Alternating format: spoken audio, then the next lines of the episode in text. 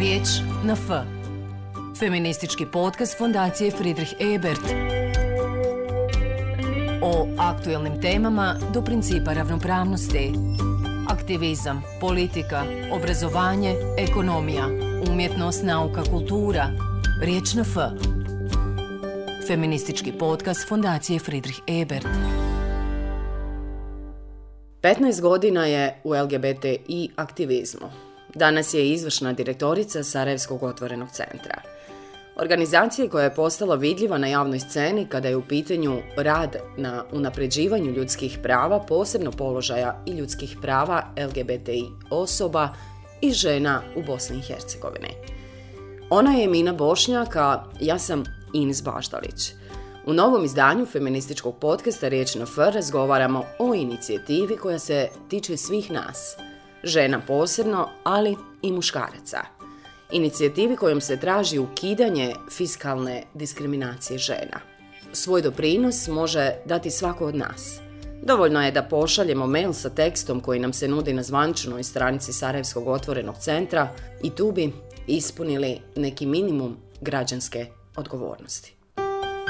Riječ na F.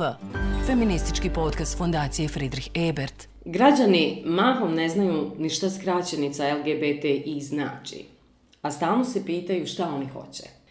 Ovo je jedan od novinarskih naslova koje pročitaha, čini se ilustrativan i kao da nam pokazuje koliko zapravo samo neznanje jeste plodan teren za razmnožavanje predrasuda. Možemo li ponoviti gradiv za početak? Možemo, naravno. Ja sam nedavno baš nekome spominjala kako sam već 15 godina u LGBT aktivizmu ovdje u Bosni i Hercegovini i objašnjavanje šta skraćenica LGBT i znači za ostavljanje ljudi da ne govore LGBT jer to dalje produbljuje predrasudu da LGBT osobe ne žive ovdje a, su stvari koje ja radim već 15 godina, ali nevjerovatno je da i dan danas postoji potreba da, da objašnjavamo našim sugrađanima i sugrađankama šta to zapravo znači i šta stoji iza tog akronima. I nije mi mrsko, zato što znam da je to negdje još uvijek moja aktivistička uloga i negdje profesionalni zadatak ovome što radim. L su lesbijke, žene koje privlače druge žene seksualno, emotivno i romantično. G za gejeve, odnosno gej muškarci, ako se nekad to koristi i u lesbijskom svijetu, ali se u ovom slučaju misli konkretno na muškarce koje opet privlače seksualno, romantično, emotivno. Drugi muškarci, B, biseksualne osobe, osobe kod kojih u kontekstu ove privlačnosti svih ovih tipova koji sam navela, spol i rod ne igraju ulogu i to imamo sad cijelu priču oko panseksualnosti, ali evo za, za potrebe ovog razgovora neću ulaziti u to. T za transrodne osobe i to je sad opet cijeli spektar identiteta osoba čiji spol kojim je dodijeljen, koji je upisan u matične knjige i koji su im doktor i doktorca odredili pri rođenju, zapravo ne odgovara njihovom individualnom svatanju i razumijevanju njihovog, e, njihovog roda.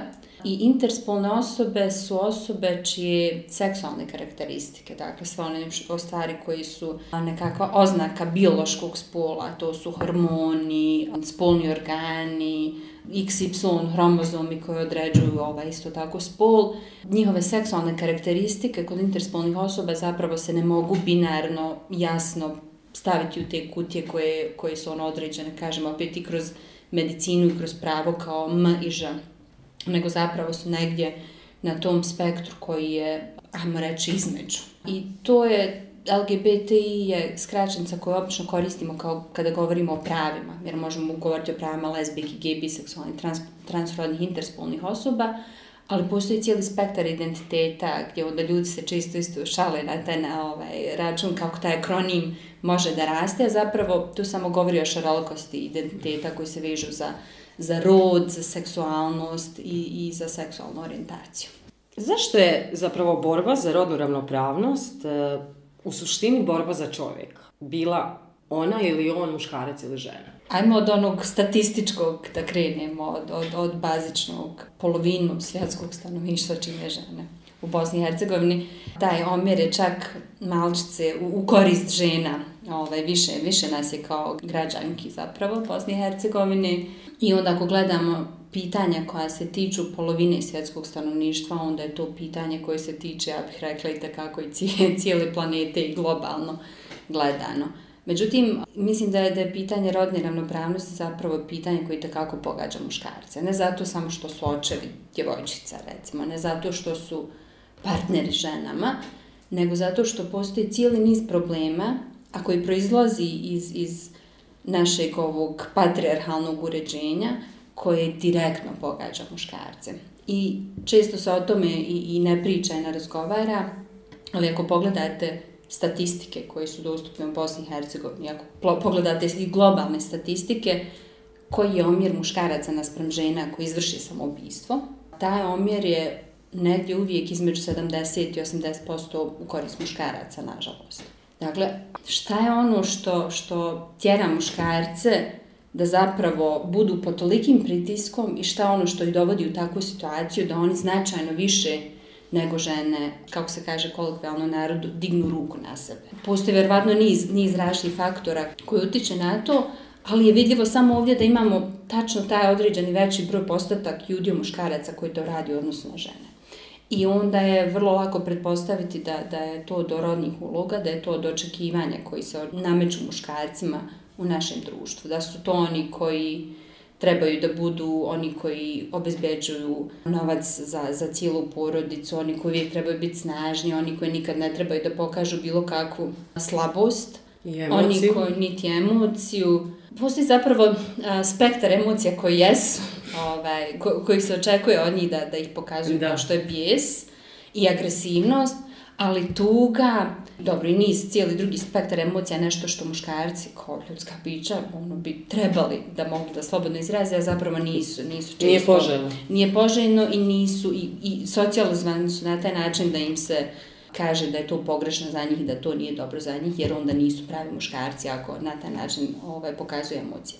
I još što je strašnije, baš zbog toga, onda muškarci često i ne traže pomoć za niz potencijalnih psiholoških uh, poteškoća koje, koje mogu imati, ono, kako se nosi muškarci s depresijom, kako se nosi s anksioznošću, to stvari ono koje pogađaju žene i muškarce, ali pitanje šta se od nas očekuje i koliko svako od nas je naučen da, da, da bude otvoren s tim, da traži pomoć i da rešava određene probleme.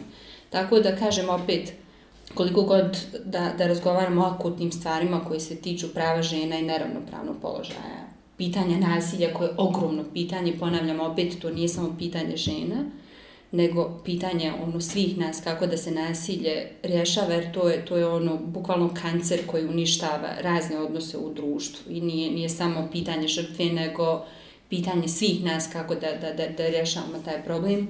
To su pitanja kojima feminizam i, i, i ženski pokret treba da radi, ali pitanje rodne ravnopravnosti kako mora da jasno adresira i sva ova pitanja koje se ovaj, tiču muškaraca. Svaka treća žena je pretrpila neki vid seksualnog nasilja. E, to je podatak koji nam dolazi ovih dana kroz različite vrste medija. Nažalost, to je, i ovo o čem sam govorila, to je svakodnevnica i realnost za, za, za žene. I uporno se ponavlja ovaj, ta brojka kroz različite istraživanja koje rade i nevladne organizacije koje rade i agencije. Kako da ne postanemo samo statistika i brojka? Pa sad kažemo opet, ovaj, žene se bori protiv uh, nasilja i progovaraju o nasilju, pokušavaju da progovaraju o nasilju već, već ono desetinama godina. Mislim da smo sad nekad i mi ovdje u Bosni i Hercegovini došta taj historijski moment da su se stvorile određene pretpostavke da, da, da i žene koje su pretrpile, evo konkretno, određeno seksualno nasilje i uznemiravanje progovore o njemu, ali je cijeli taj sistem postavljen na način, i opet govorimo o patriarhatu i govorimo o našem društvu, na način da se o slabostima ne govori i to je sad opet, kažem, vezano i za muškarce, da se ne govori o nečemu što je ove, viđeno kao sramota, da se ne govori o nečemu što je neko sam sebi skrivio. Namešten je sistem tako da žrtva zapravo sve okrenu to protiv nje. Ne ohrabruje se da Ne ohrabruje se i nakon što se desi nasilje postoji niz prepreka koje onda žene koje bi htjela da progovore vraćaju nazad u negi sram i šutnju. Da li ćemo imati podršku unutar porodice? Da, šta će reći komšije? Komšije Šta će onda reći taj mikrosvijet kako se širi dalje? Šta će reći kolekcija na poslu? Šta će reći prijateljice? Šuti, bolje ti je nemoj. Da li će neko podržati osobu da ode u policiju? Znajući kako policija radi sa žrtvama nasilja, vrlo nesenzibilizirano, okrivljava žrtvu, kaže da ne može pomoći, ne daje dovoljno informacija. Znam se kakva je to situacija za nekog koji je ono, preživio nasilje, još je dovoljno istraumiran i još mora da dilira često sa tim vrlo bezličnim, ponekad i vrlo agresivnim i, i, i, i, i ono, institucijom koja, koja često ne pomaže na bilo koji, niti razumijeva poziciju, poziciju osobe koja, koja preživi nasilje. A onda šta će se desiti kad se ono prijavi? Kako će reagovati tužilaštvo? Kako će izgledati taj proces? Da li je taj proces nasilan? Da li je težak? Da li je dugotrajan? Da li se ispa... To da li je dokazivo? Da, upravo. I onda se postavlja toliki niz prepreka za, za, za žene od tih nekih ličnih, porodičnih u tom nekom mikrosvijetu, do ovih institucionalnih, koji ako saberete sve i stanete i pokušate racionalno odlučiti, naravno da, da niko dodatno ne želi prolaziti kroz, kroz nekakva dodatna mučenja, da, da potencijalno izgubili slučaj na kraju na sudu ili ne dobili pravdu. Kao nisu vrlo jasni ishodi da će nas društvo i institucije zaštititi ukoliko smo žrtve nasilja. A pogotovo ako je rodno za ovaj, zasnovano, da. Globalna kampanja 16 dana aktivizma Ove godine se i na svjetskom nivou obilježava temom ili pozivom Zaustavimo rodno zasnovano nasilje u svijetu rada.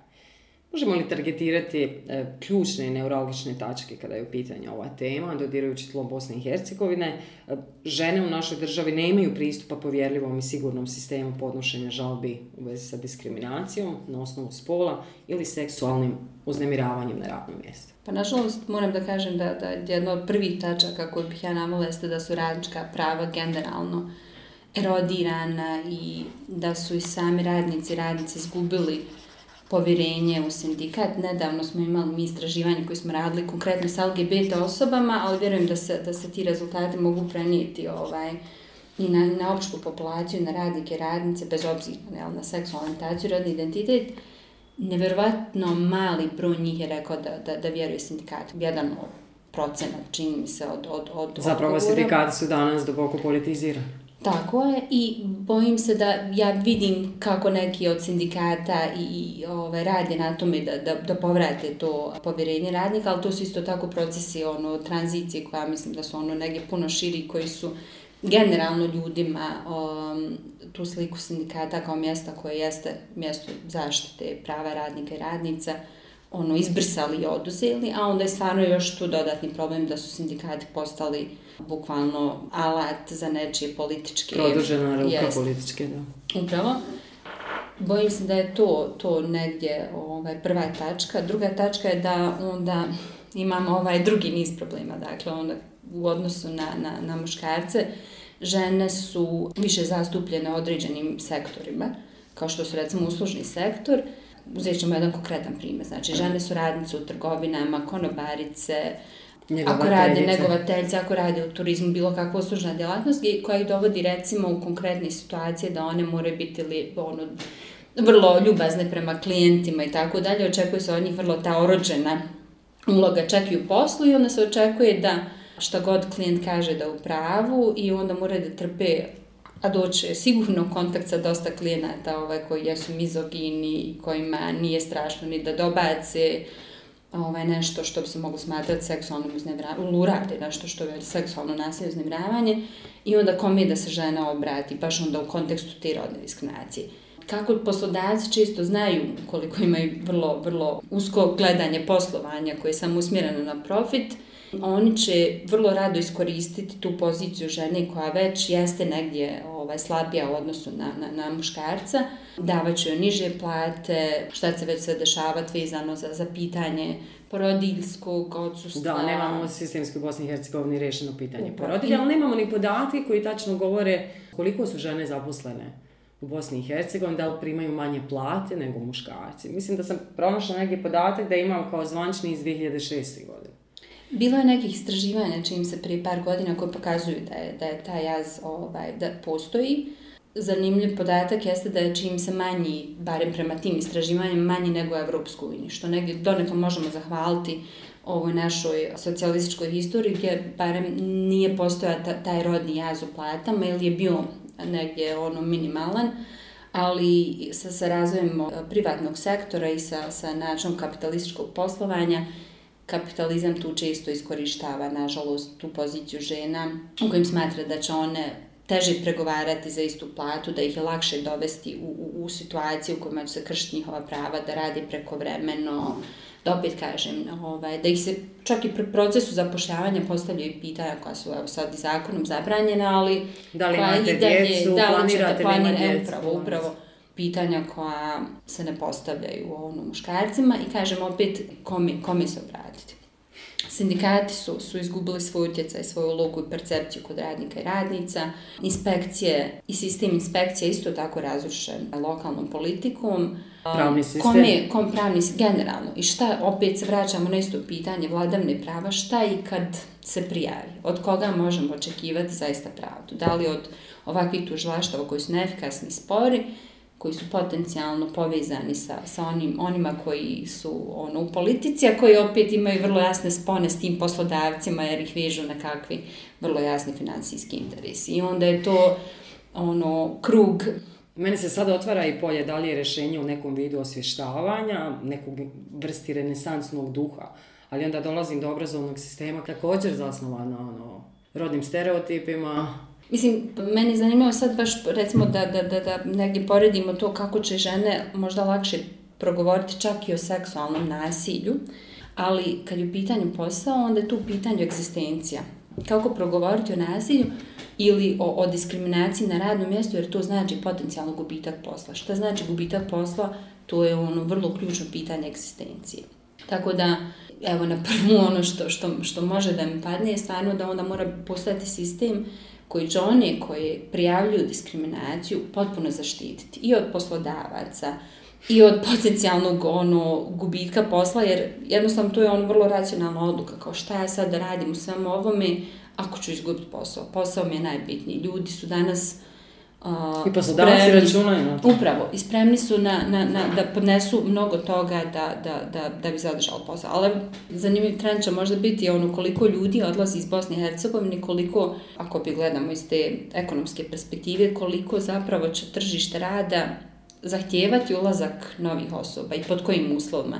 U Sjedinjenim američkim državama trenutno imamo situaciju da iako ekonomski država raste i ekonomija je na dobrom putu da ogroman broj ljudi odlučuje da više ne radi poslove. Pogotovo u služnim djelatnostima gdje nisu dovoljno cijenjeni, nisu dovoljno plaćeni. I onda će biti zanimljivo gledati šta se dešava onda u takvoj situaciji kad poslodavci više nisu ti koji imaju moć u svojim rukama, nego im zaista su sad u situaciji da im trebaju radnici i radnice. I onda je to drugačija paradigma u kojoj će morati tretirati i muškarce, a pogotovo žene s ovim cijelim nizom problema koje smo spomenuli, mnogo drugačije ukoliko žele da zadrže, zadrže te osobe. Mislim da negdje sad već u Bosni i Hercegovini vidimo u određenim segmentima da, da nedostaje radnika i radnica. E sad ćemo vidjeti kako, kako da će povećati platu, i kakav će biti generalni tretman. Zanimljivo opažanje. Svaka deseta djevojčica u Europskoj uniji ne može sebi obezvijeti sanitarne proizvode nemogućnost kupovanja ženskih higijenskih proizvoda zbog neimaštine, trajan je problem u Evropskoj uniji. Mi nismo u Evropskoj uniji, ali ne uskudjevamo u siromaštvu. Sarajevski otvoreni centar pokrenuo je inicijativu za ukidanje poreza na higijenske proizvode za žene i djecu. Možda da približimo šta inicijativa podrazumijeva. Inicijativa je vrlo, kako bih rekla, jednostavna. Ono što smo mi upretile nedavno jeste da je zakon o porezu na dodanu vrijednost, odnosno zakon o PDV-u, u procesu javne rasprave. U Bosni i Hercegovini? U Bosni i na državnom nivou. I na prvu to nije ono nešto što, što signalizira, aha, trebamo sad ovdje vidjeti koji je, koji je ženski ugao, ali um, i kolegice i ja smo, rekla bih, posljednje vrijeme puno više osjetljivije na to kako da pronađemo taj rodni moment u pitanjima koja nisu, recimo, klasična, kao što je fiskalna politika, recimo. Nije to prva adresa na kojoj tražimo ugao rodne ravnopravnosti, ali zapravo ono što, što negdje nas motivisalo i, i, i inspirisalo jeste slična o, inicijativa u Hrvatskoj, koja je donekle drugačija. Oni, o, zapravo u Hrvatskoj su ženske organizacije tražile da se stopa PDV-a koja se primenjuje na tampone, uloške i slične higijenske proizvode ne bude ona koja se primenjuje za luksuzne proizvode, nego da se vrati na onu, ne da se vrati, nego da ju se da ona najniža od 5%. I ta inicijativa je barem u, u ovim nekim svojim začecima, nažalost, odbijena, ovaj, barem u Hrvatskom saboru, ali ono što, što viđamo jeste da, da u Rijeci ili određenim lokalnim sredinama u Hrvatskoj postoje a, inicijative koje ipak obezbjeđuju djevojčicama i ženama pristup higijenskim proizvodima, da, tako što su on dostupni recimo u školama ili na radnim mjestima. I to su neke lokalne inicijative koje očigledno pokazuju da lokalni akteri imaju svijest o kako, koliko je to zapravo... Da li je zapravo taj ugao djelovanja kroz lokalnu zajednicu sam put Ili ipak ići ovo kroz državni nivo, pa nam je ovo druga Ovo je, je me, ja mislim da je, da je o, kako to narod kaže, svaka igra, svaka dobija. mislim da, da, da a, nije zgori koristiti bilo koji a, put koji se otvori. Nama se otvorio ovaj put mm. kroz a, zakon o PDV-u gdje vi imate, mi imamo samo jednu stopu za sve proizvode. Jedinstveno, I, da. Jedinstveno upravo. I negdje moja lična neka i feministička pozicija bila da zapravo se uvedu o diferencirane stope. I da, to da. da onda imamo diferenciranu stopu za hranu i lijekove, negdje najnižu, za knjige. onda za odre, knjige, ili recimo od toga, e onda tu sad već možemo ući u raspravu šta želimo da nam bude i šta nam je od društvene važnosti, da, da ima najnižu stopu PDV, ja bi se isto složila za knjige, ali bi bilo zanimljivo otvoriti tu diskusiju našem društvu koja se ne dešava. Tu zapravo dobijamo sad odgovor na pitanje da rodna ravnopravnost se tiče cijelog društva. Upravo. I, ali evo šta se zapravo dešava. Znači, mi sad imamo izmjene zakona o PDV-u, koji zbog činjenice da u političkom životu postoji manjak žena i ovakvim stvarima odlučuju muškarci, oni imaju zapravo samo vrlo skučen pogled na to pitanje. Imate cijelu listu usluga i roba koje jesu oslobođene od poreza na dodanu vrijednost zato što su od šireg društvenog javnog interesa. Tako se baš zove taj član u zakonu i naš prijedlog ide u tom smjeru da i ova pitanja. Ne samo ulošci tamponi koji jesu vezani za, za, za žene, o, odnosno za osobe koje imaju menstruaciju, čak i tu možemo pričati malo šire, e, nego i za pelene, i za pelene za djecu i, i za, za starije osobe. Tako da smo tu negdje čak i proširili one stvari ko, u kojima žene igraju ključnu ulogu jer se brinu i, i, i o djeci najčešće i, i o starima članovima porodice koji, koji trebaju tu vrstu njege i podrške. U tom smjeru je išao naš, naš prijedlog ali kažem opet, pošto nema diferencirani stupaj, o, o tome se uopšte ne razgovara, a sam zakonodavac je rekao mi želimo da mijenjamo zakon o PDV-u na način da ga uskladimo sa direktivama Evropske unije, ne samo sa direktivama, nego sa pravnom stečevinom EU. Mi smo onda malo i pogledali pravnu stečevinu, to su radila moja, moja kolekcija i pohvala bi zaista Aminu Dizdar koja je ono, bila vrlo brza u toj reakciji ove, i našla rezoluciju Evropskog parlamenta koji govori da zaista zbog pitanja menstrualnog siromaštva, onoga što si Ines ti spomenula na početku, da postoji dobro utemeljenje u tome da se takvi proizvodi potpunosti oslobode od PDV-a. Pink tax, to Pink se zove. tax, jest. Da onda potpunosti se makne taj dio poreza koji na kraju, kao što svi mi plaćamo, ali porez na dodanu vrijednost plaćaju oni koji koriste ove usluge i robu, krajnji korisnici, i da se onda taj teret skine sa žena. Jer ako pogledate, evo, koji su to proizvode koji specifično samo muškarci kupuju samo zato što su muškarci.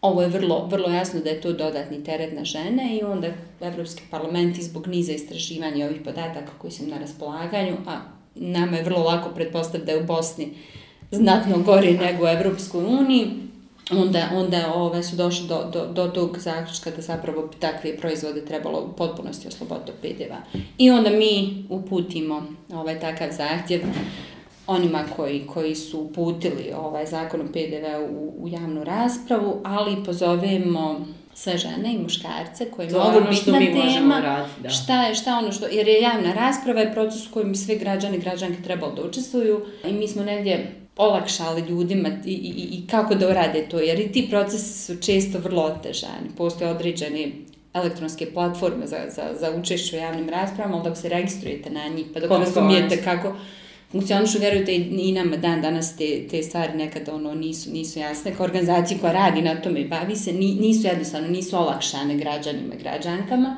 I onda smo mi vrlo jasno napravili ono kao mali hodogram, evo, evo ono i sadržaj, a evo šta treba tu učiniti ako želite reagovati. Jer znam dosta ljudi koji žele često reagovati, ali u ovako kompleksnom političkom sistemu ne znaju koji je pravi način, koji je put. I tu je naša bila, bila uloga da prepoznamo, ovaj, da imamo tu drugačiju perspektivu na, na nešto što se tiče fiskalne politike, da saznamo koja su nam utemeljenja i kako možemo zagovarati i da uključimo što više i muškaraca i žena u priču. I onda negdje četvrti segment da kontaktiramo zastupnike, zastupnice na državnom nivou s kojima smo radili već godinama kroz različite programe, edukativne i treninge, primarno Akademiju ravnopravnosti i kažemo evo, ovo je, ovo je nešto vrlo jasno što, što možete da predložite, nešto što je vrlo jasno ljudima kakvog efekta ima na, na, na njihove živote, nešto što je ono, ne znam šta je životnije od cijene neke nam, ono, namjenice koja se, ili potrebštine koja se kupuje. I koja nam je neophodna. I koja je neophodna i koja je neophodna ženama svakog mjeseca.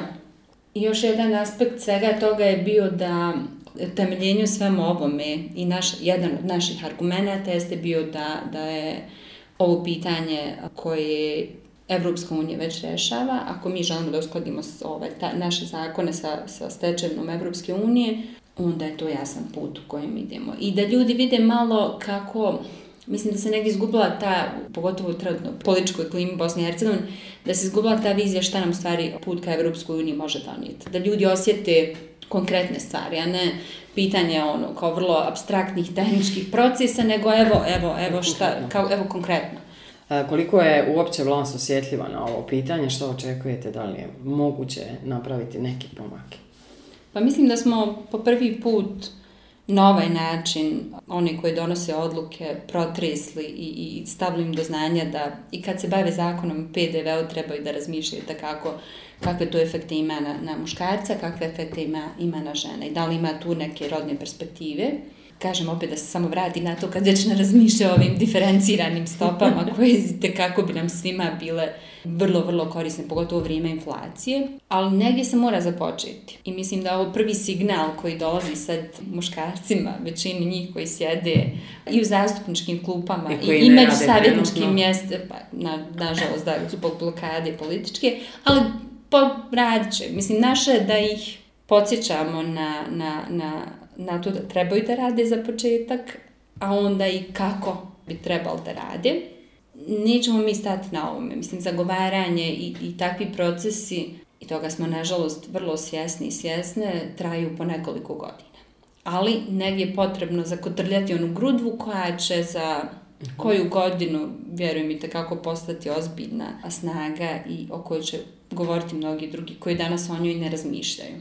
Vi u organizaciji imate nešto što se zove Roze izvještaj. Roze nam izgleda preovladava u ovom razgovoru. E, godišnji izvještaj o stanju ljudskih prava LGBTI osoba u Bosni i Hercegovini. Ja znam da je to teško sumirati u nekoliko rečenica, ali ipak da li smo još uvijek društvo ubeđeno u superiornost heteroseksualnosti ili dok slavimo zlatnu tele nacije i društvo je predano nekako skućenijem pogledom na svijet. Čak ne mislim da, da, da smo kao društvo ubijeđeni u superiornost heteroseksualnosti, nego ne, ne dajemo si, u stvari neću govoriti svoje ime, nego u ime oni koji imaju to skučeno mišljenje, da se uopšte uh, seksualnost i pitanje identiteta gleda puno šine nego što se danas gleda. Pitanje identiteta se gleda primarno kroz uh, religiju i pripadnost etničkoj zajednici, a seksualnost kao ono što se uglavnom odvija u heteroseksualnom braku, a to je, u stvari ne znamo ništa, ne, nema uopšte nikakve javne, ono, niti se govori o tome u obrazovanju, niti seksualnost je potpuni tabu za naše društvo. I onda uličamo mi tu ovaj, sa pričom o lesbijkama, gejevima, biseksualnim, transrodnim osobama. I zapravo mislim da je tu naša pozicija dobra jer dajemo priliku, ja se iskreno nadam ovom društvu da, da ono iskrenije pogleda ogledalo i da puno iskrenije govori o seksualnosti, a da to nije pitanje koje ono tabu, koje nije pitanje o kojem se ne priča, ni na koji način, nije, nije prostor skučenog razmišljanja, nego prostor puno a, širih pogleda i svega i nadam se da cijelom društvu dajemo tu priliku, a našoj zajednici priliku isto tako. Mi se da- toga sramimo. A šta sram zapravo duboko po tebi? Šta ti čitaš iz njega u ovom društvu? Ne znam, postoji ta kultura srama. Ne, ne, ne, nisam ni ja nešto sad da kažem, ovaj, nisam je raspakovala do kraja, ali sram za mnoge stvari i onda seksualnost ovaj, jedna od njih. Koliko žena, recimo, uopšte ovaj, razgovara o masturbaciji ili... I a o da je to menstruaciji. menstruacija, evo i to je jedno pitanje, ili kako, kako pričamo o menstruaciji sa muškarcima itd. itd. ono, toliko je to kao tema koja je negdje ono postavljena po strani, kao ne, ne, ne smijemo i ne trebamo je dirat, a toliko bitna u našim životima, generalno kao ljudskih bića. Tako da ne znam, moja negdje ova kao dodatna misija bi bila ta misija da, da generalno o seksualnosti i identitetima pričamo na puno otvoreniji način, da gledamo iz, iz, iz ove različitih perspektiva. Valjda ćemo doći ovaj, i Lijepo do si to rekla, trebamo se pogledati u ogledalo. Rozi, izvještaj, što nam govori ove godine? puno stvari još treba da, da, da se desi za cijelu LGBTIQ zajednicu ovdje u Bosni i Hercegovini. Ono što su neke četiri stvari koje, koje mi do duše već godinama ponavljamo, ali kažemo opet i procesi Ali ne idu i ne odustajemo, jesu pitanje slobode okupljanja, da se kroz zakon riješi ovaj, pitanje slobode okupljanja na način da se ne stavljaju nikakvi dodatni tereti na organizatore, organizatorice. Takvih javnih okupljanja protesta protesta, a, pitanje istospolnih partnerstava, koje bi trebalo da riješi niz ekonomskih i socijalnih pitanja, kao što su pitanje nasljeđivanja, pitanje e, izdržavanja partnera i partnerice, pitanje zdravstvenog osiguranja koje se može prenijeti na partnera, partnericu i tako dalje, pitanja koja se riješu za prava transrodnih osoba, pristup medicinskim uslugama, koje jesu prilagođene, koje su transinkluzivne, pokrivanje određenih troškova za prilagodbu spola kroz uh, javni zdravstveni sistem, kao i samodređenje transrodnih osoba, dakle depatologizacija cijelog procesa, gdje bi transrodne osobe trebale samo na osnovu vlastitog rodnog identiteta, živeći određeni period u, u drugom rodnom identitetu, mogle da izmijeni svoje dokumente odnosno oznaku spola koja postoji na ličnim dokumentima. I ono što je negdje sveobuhvatna možda preporuka jeste usvajanje akcionog plana za ravnopravnost LGBT osoba na državnom nivou. I to je već negdje u procesu, samo je stalo na, na vijeću ministara, čini mi se zato što je trenutno Nemamo državna vlast u, u blokadi, pa onda ni, ni, ni to se ne dešava, sve je spremno, sve urađeno. I taj, taj bi onda dokument pokrio niz oblasti od zdravstva, pitanje zaštite ljudskih prava kroz pravosuđe i tako dalje, koji bi onda dali jasnu smjernicu vlastima na svim nivoima šta, šta im je činiti, barem u ovom prvom talasu. Riječ na F. Feministički podcast fondacije Friedrich Ebert. Uz ironiju poigravamo se stereotipima s kojima se patrijarhat obračunava sa feminizmom, želeći da mu oduzme političku relevantnost. Riječ na F. Feministički podcast fondacije Friedrich Ebert.